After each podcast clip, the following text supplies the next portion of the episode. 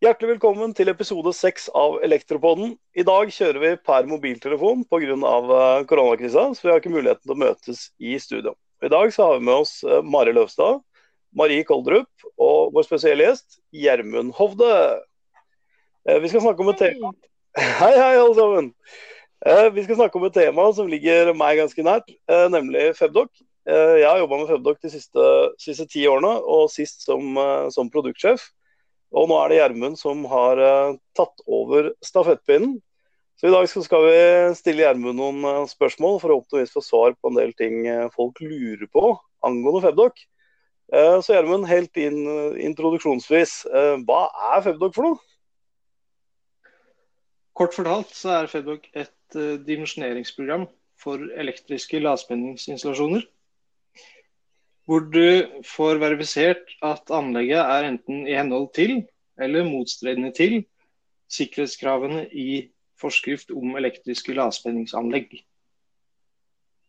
Det var korttittelen. Ja. Så ligger det veldig mye bak der. Eh, både på nasjonale normer, veiledninger, og også en hel haug av internasjonale standarder for mm. beregning av elektriske anlegg. Og nærmere. Vi kommer jo sikkert inn på det underveis òg, men det vi kan gjøre er å koordinere da ledninger, kabler, strømskinner og vern. Sånn at vi er sikre på at hvis det oppstår en feil i anlegget, så løser vernet ut før kabel tar skade og det potensielt oppstår en brann. Mm. Og Ser vi tilbake på FEL, altså forskrift om elektriske lavspenningsanlegg, så er hele hensikten å sørge for at ved normalbruk av installasjonen, eller ved en feil, så skal det ikke mm. oppstå fare for mennesker, husdyr eller eiendom. Og Det er hele essensen i alt vi leverer i elektrobransjen. Så ingen, ingen, skal dø, ingenting skal brenne og ingenting skal gå i stykker? Ja, riktig. Ja. Sånn kort fortalt. Kort, så veldig kort fortalt. Noen, uh, veldig kort fortalt av kortversjonen av Fell. Ehm, så sa jeg det at uh, vi hadde noen spørsmål uh, til deg. Det blir veldig rart hvis jeg skal stille deg de spørsmålene, for jeg vet vel svaret på de aller fleste. Så Derfor tenkte jeg at Mari og Marie kunne få lov til å stille deg de spørsmålene. Mm. Er dere klare? Du, jeg har et spørsmål. hvem er det som lager Febdok? Febdok lages av, av Nelfo.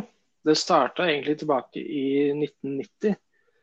Eh, hvor FEB91 var under utarbeidelse. Og det ble strengere krav til å dokumentere elektriske installasjoner med de valgene du gjør, med tanke på valg av kabel og vern osv. Da eh, var det et samarbeid sammen med EFI, det som nå er Sintef, og Nelfo, om å lage et dataverktøy for å dokumentere elektriske anlegg. Og det starta som et eh, DOS-program, som var veldig enkelt, i ren tekstform og har nå utvikla seg til å bli et stort Windows-program. Og Den som jobba i EFI den gang, han heter Eirik Selvik, han er nå formann også i NK64, som lager NEC 400. Men han er fortsatt med og utvikler Febdoc. Så sammen med Eirik Selvik, som driver sitt eget firma, så er det Nelfo som, som eier og driver Febdoc videre.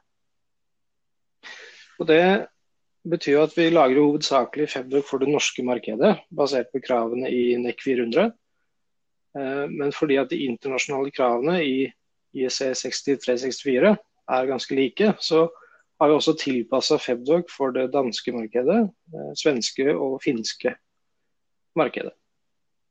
Så i Norge så er vi en eh, gruppe mennesker. Det er jo da vi i Nelfo, det er meg, sammen med en kollega som jobber med fag, som heter Tor Christian. Og så har vi Bjørn Solberg på datautvikling. Eh, og Mathias Gleis som programmerer i Nelfo. Og så har vi da Eirik Selvik, som nevnt. Og Jørgen Lundmark, som også er programmerer, og han sitter i, i Sverige. Og I Norge så har vi da en, en faggruppe bestående av eh, leverandører eh, og eksperter på sine fagområder. F.eks. på nødstrøm eller veilysanlegg. Som er med å gi input til utvikling og drift videre av, av Fedbook. Og så har vi tilsvarende da fagmiljøer i, i, Danmark, Sverige og Finland. Så det er et ganske stort apparat bak. Men det vi uansett setter pris på, er jo selvfølgelig tilbakemeldinger fra, fra brukere. Yes. Da begynner jeg med første spørsmål her, som er Det er tidkrevende å beregne alt i Febdoc hver gang. Finnes det en light-versjon? Ja, det er det stadig mange som spør om. Eh, nå er jo den digitale verden blitt sånn at uh, mye foregår på app eller på, på webapplikasjoner. Mm. Febdoc er i dag en, et Windows-program, som betyr at du må bruke Febdoc på en, på en Windows-maskin. Og det å lage en light-utgave av Febdoc betyr også at eh, du mister en del av det som er bra med en Febdoc-beregning. Det vi gjør da er at vi starter i et kjent punkt, hvor du kjenner alle forutsetninger for å kunne gjøre en beregning. Mm. Det vil si at du vet spenninga i punktet, du vet impedansen i punktet, og det gjør at du på en trygg og korrekt måte kan beregne kortslutningsverdier, du kan beregne spenningsfall, du kan beregne strømforkjenner fra det kjente punktet. Mm. Så hvis du skal ha en light-versjon, så mister du egentlig hele essensen i beregninga. Du, for å da ha det kjente punktet, så må du ha et stort sett av dataverdier. Og mm. da er det ikke lenger en light-versjon. Så hvis du ser på en, en, enkel måte å beregne spenningsfall, så kan du ta spenning delt med impedans. Men da får du bare impedansen, altså motstanden i den kabelen du beregner. Så hvis du beregner en ti meter lang kurs, så får du spenningsfallet i de ti meterne. Men du har ikke da med deg spenningsfallet før du starter de ti meterne. Så fra sikringsskapet i en, en leilighet, da, så er det en viss impedans fra generatoren, høyspentnettet, trafostasjonen og kabelnettet inn til leiligheta, som også må ta med i beregninga. Og det er det Feddoc gjør. Bra. Skal vi se, skal jeg komme med et uh, nytt spørsmål her. Uh, jeg får røde verdier på transformator, og nå er alle felter låst. Hva gjør jeg nå? Ja, det var uh, Feddoc har jo i all tid kunnet beregne med en transformator. Og For å beregne med en transformator så må du legge inn omsetningsforholdet på trafoen, koblingsgruppe til trafoen og impedansen i selve transformatoren. Eh, for en liten stund tilbake, i et par-tre versjoner tilbake i Feddoc sin historie, så innførte vi et eget transformatorregister.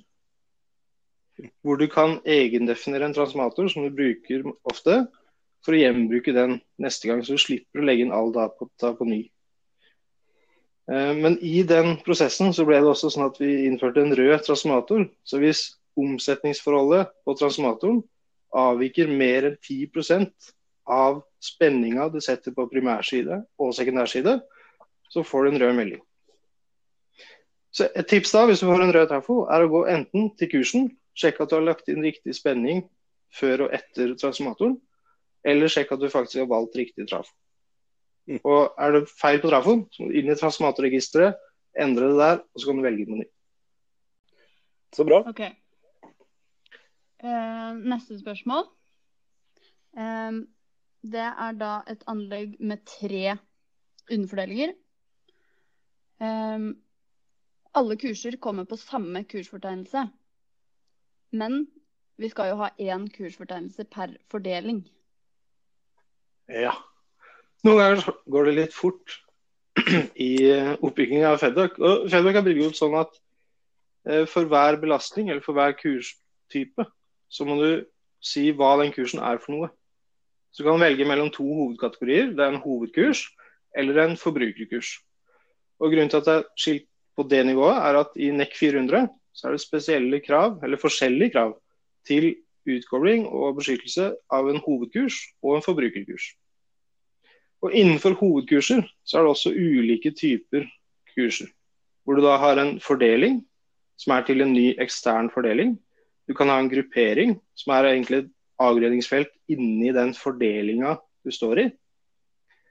Og Hvis du da har valgt en ny gruppering, så vil alle kurser som du lager i grupperinga, havne på samme fordeling. Så den som har stilt spørsmålet, har nok valgt å bygge opp anlegget med en hel masse grupperinger, i stedet for å velge en fordeling. Da er vi på neste spørsmål. Kurvene for vernene krysser ikke hverandre. Allikevel viser ikke Febdoc selektivitet. Hva er galt? Ja. Der er det sånn at selektivitet da, det er et ganske bredt emne. Og det ligger en hel masse forutsetninger bak vurdering av selektivitet. Så selv om kurvene ikke krysser hverandre, altså strøm-10-kurva, så er det også et sett med betingelser bak det igjen som gir resultatet selektivitet eller ikke. Mm. Og vernleverandører eh, pleier å kjøre lab-tester på sine egne kombinasjoner av sine vern for å verifisere om verna er selektive. Det betyr at ved en kortslutning så skal det vernet som er nærmest feilen, løse ut først. Sånn at du ikke risikerer at en gruppesikring kobler ut før kurssikringa hvor feilen er. Og selv om kurvene ikke krysser hverandre, så kan det være at det finnes en tabell hvor leverandøren har testa den kombinasjonen og funnet ut at inntil den verdien for en kortslutningsstrøm eller feilstrøm, så er de verna ikke selektive. Så der, I Febdoc da, så er det viktig å se på kriterier for selektivitet i stedet for kurveoverlapping. Mm. Men dette er et kjempestort emne, Gjermund. Jeg tror vi skal ta og lage en egen pod-episode om uh, backup og selektivitet. For dette har jo vært noe vi har fått ganske mye spørsmål om opp igjennom, og det er jo et ja, intrikat fag. Mm. Så jeg, jeg, foreslår at vi, vi, behandler det spesifikt i en egen, egen pod-episode. Mm. Mm. Der er det jo sånn at uh, Forskjellige verneleverandører de kan ha sine egne betingelser for om vern er selektive eller ikke. Så det er, uh, det er kjempe, kjempeområde som er viktig mm. å kjenne mer til, egentlig. Mm. Men er det sånn, i Febbock, da, når det er inni i selektivitetsbildet, så kan du også trykke på F1-tasten eller spørsmålstegnet oppe i høyre del av bildet, så får du en hjelpedialog for selektivitet. Der mm. finner du mye hjelp, uh, i tillegg på hjemmesida vår. Og hos hver enkelt verneleverandør så er det veldig mye info og god veiledning å hente. Det er bra tips. Yes, så Da blir det en ny episode på det om litt. Og da vil vi gjerne at dere sender inn konkrete spørsmål som vi kan ta opp her i podden til mm. pod at nelfo.no. Som vanlig. Eh, da kjører vi videre til neste spørsmål. Eh, det har litt morsomt spørsmål. Vi har ikke egen server i dag. Kan dere drifte Febdoc for oss? Ja. Nå er det sånn at uh, vi tilbyr Febdoc som en uh, lokal installasjon. Altså du kan installere Febdoc på din egen PC, eller du kan installere Febdoc på en egen server. På den lokale installasjonen så jobber du helt lokalt. Så de anleggene du lager, finnes bare på den PC-en. Skal du dele anlegg med andre, så må du sende det til andre. Installerer du Facebook på en server, så kan du dele anlegg mellom brukere på serveren. Eh, som forenkler hverdagen hvis du samarbeider mye med andre. Eh, men når det kommer til egen, egen server, så har ikke vi det i dag. En drifteløsning. Men vi har nylig inngått et samarbeid med et uh, eh, IT-firma som heter Visolit. Mm. Og fra og med august så kommer vi til å tilby Feddoc som en skytjeneste. Som betyr at fra vår side får du brukernavn og passord. Eh, vi ivaretar alltid at du har siste versjon. Vi ivaretar alltid at du har backup. Og det eneste du trenger å gjøre, er egentlig å bruke Feddoc. Så fra og med august så kommer det som en egen tjeneste. Det tror jeg blir veldig, veldig bra. Jeg har jo hatt en del telefoner fra folk som har mista alt de har gjort i Febdoc, og det er ganske kritisk når du mister all dokumentasjonen. Eh, mm. og så er det en del som har satt eh, backup-mappa si, eller filplasseringa av backupen, på samme maskin som de har Febdoc installert på. Det kan det være lurt å gå inn der og velge en annen plassering av den backupen. sånn at hvis maskinen din ryker, så har du i hvert fall en backup liggende på, på en annen server eller et annet sted. Da. For det, det, er stort sett den eneste fila du trenger for å få Febdoc eh, opp og gå igjen. Men, men, skulle det komme ut i en full krise, da, så er det sånn at hvis du enten har den backup-fila, eller du har databasen hvor alt mm. innholdet er lagret, så kan vi normalt sett hjelpe dere å hente ut uh, infoen dere trenger. Mm. Uh, men er maskinen helt låst og alt er borte, så, så er det borte. Mm. Så lenge det ligger lokalt og ikke på en server. Men det var gode, gode tips. Da er vi klar for et nytt spørsmål her. Eh, Febdoc avviker stort sammenlignet med våre manuelle beregninger. Hva gjør Febdoc galt? ja. Det, det er, jeg, er glad, jeg, er glad du, jeg er glad du fikk det spørsmålet, Gjermund. Det, det, er lett å svare på. Ja. Nei, som sagt innledningsvis så er jo Fedok basert på en del internasjonale standarder. Og Ser vi på det Fedok hovedsakelig gjør, altså beregne kortslutningsverdier, feilstrømmer og spenningsfall, så er det to essensielle internasjonale standarder som heter IEC 60909 og IEC 61363. Mm. De forteller da prinsipper og hvordan du skal beregne feilstrømmer. Så er det sånn at Når vi beregner i Fedox, så er alltid hensikten å finne verst tenkelige tilfelle. Vi skal finne den største verdien og den minste verdien. Og For å finne den største verdien, så er det et sett med faktorer for å øke maksimalverdien. Så vi legger på litt spenning, og vi bruker en motstand eller impedans hvor den er minst mulig for å få høyest mulig kortslutningsstrøm. Feilstrøm er det riktige begrepet. Mm -hmm. Og For å finne den minste verdien, så trekker vi av litt på spenninga. Og vi legger på litt på impedansen, eh, som simulerer da at kabelen er varm. Den har en høyere motstand. Og vi får en lavere feilstrøm når vi beregner. Så poenget er å finne største verdi og minste verdi. Så når du da avviker fra en manuell beregning mot Fedduck, så har vi enten ikke brukt samme eh, beregningsmetode, eller vi har brukt forskjellige verdier for impedans. Eller en kombinasjon av det. Så når du skal gjøre manuelle beregninger, sett deg inn i beregningsprinsippene. Du trenger ikke finne de internasjonale standardene hvis du går til L-forlaget og ser på boka 'Kortslutningsberegninger', mm. eh, eller en annen fagbok om temaet, så er egentlig de prinsippene gjengitt. Eh, men skal du da bruke motstand i en kabel, så kan det være greit å gå inn i kabelregisteret i Febdoc, hvor du finner motstanden Febdoc bruker for den kabelen. Har du brukt de samme verdiene som Febdoc, samme utgangspunktet for formler i manuelle beregninger, så får du også det samme resultatet. Det gjør du. Så bra. Men uh, en sånn tilleggsspørsmål uh, der. Men du kan jo velge å manuelt beregne eller beregne med Febdoc. Men hva med målinger? Hva tenker du om det? Uh, målinger er ganske interessant. Da, fordi Hvis du måler kortslutningsverdien i et punkt, og du ønsker å beregne eller sammenligne de verdiene med Febdoc, så er det sånn at i det du måler, så vet du ikke hvilken tilstand nettet er i. Eh, det kan være varme ledninger til målepunktet, mm. som betyr at du har en høy motstand.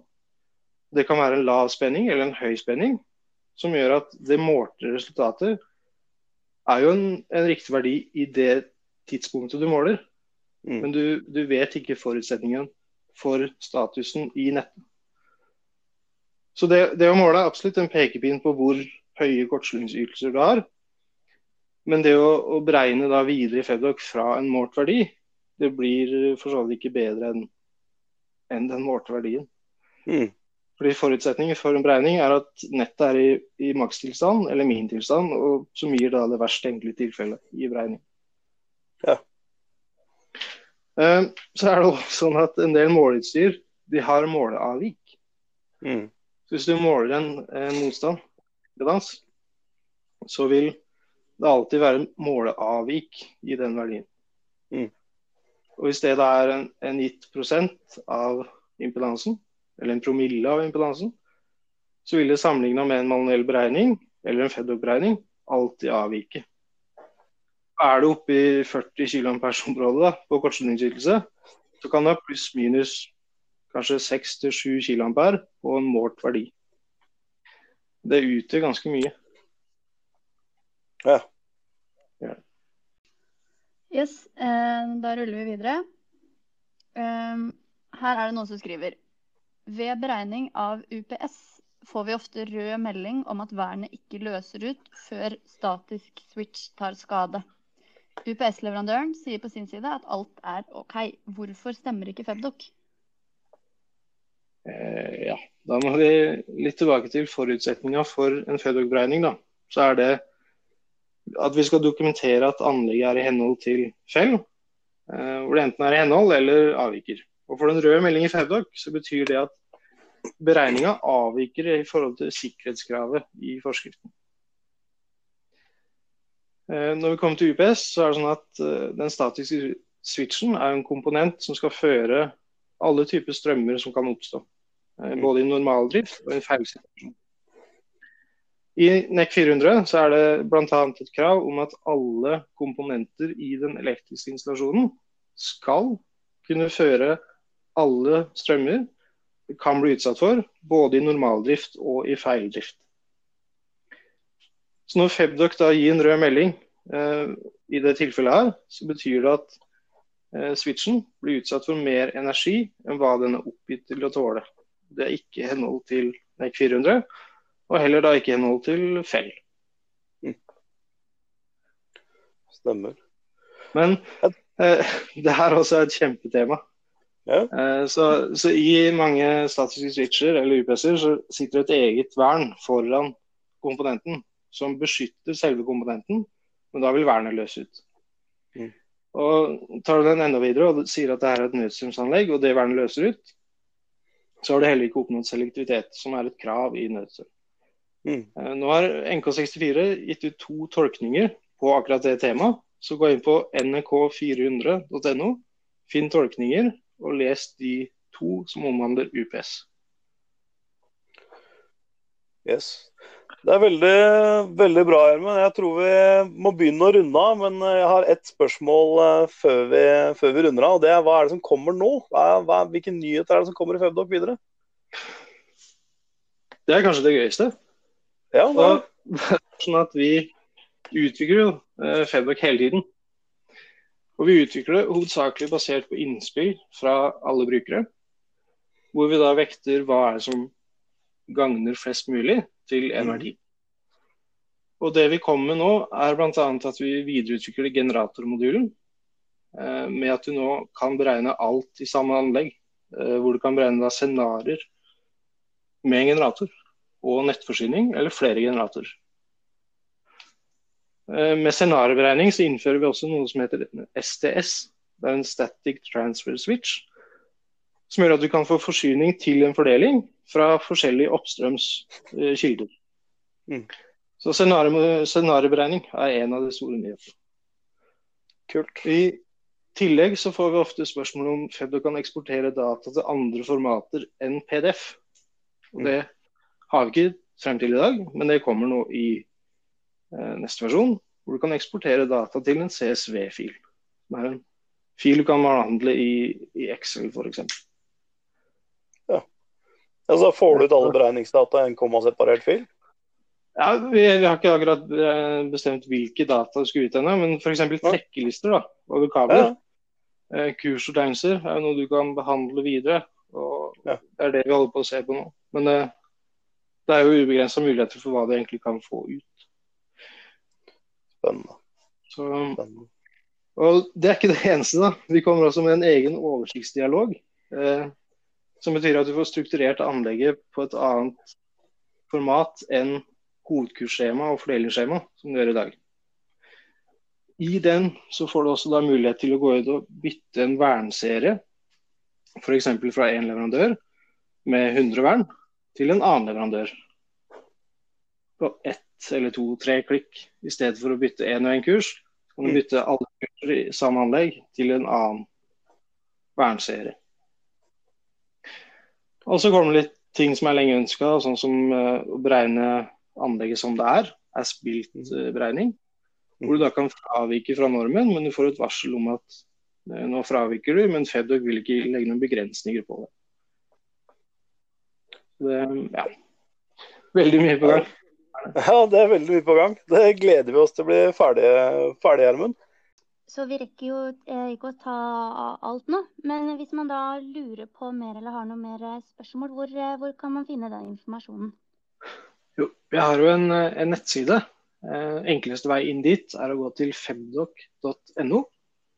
Der finner du en del veiledninger. Du finner en spørsmål og svar. Og så finner du kontaktinfo til support. Så alle med et aktivt abonnement de har også tilgang på support i programmet. Og så kjører vi jo selvfølgelig kurs og opplæring i verktøyet, hvor vi har et grunnleggende tredagerskurs og et fordypende todagerskurs. Du kan nå tilpasse bedriftsintern opplæring for de som ønsker det. Og nå i, i situasjonen som har oppstått nå, med hjemmekontor og, og, vi får ikke lov til å gjennomføre kurs, så har vi også gjennomført uh, de første webinarene i Febdoc med veldig god, gode tilbakemeldinger på de. Så webinarer er nok også noe vi kommer til å satse på i, i fremtida. Så det er bare å følge med. Eh, tusen takk for gode og utfyllende svar på, på faglige spørsmål. Eh, vi må utvilsomt eh, invitere deg igjen for å, for å, behandle noen temaer ytterligere her. Vi har vel snakket om to stykker i utgangspunktet. Eh. UPS-beregninger og dette med eh, selektivitetsanalyse. Så da, mm. da, inviterer vi deg på nytt igjen. Og så tror jeg vi bare får si tusen takk for i dag. Da sier vi takk for i dag. Ha det!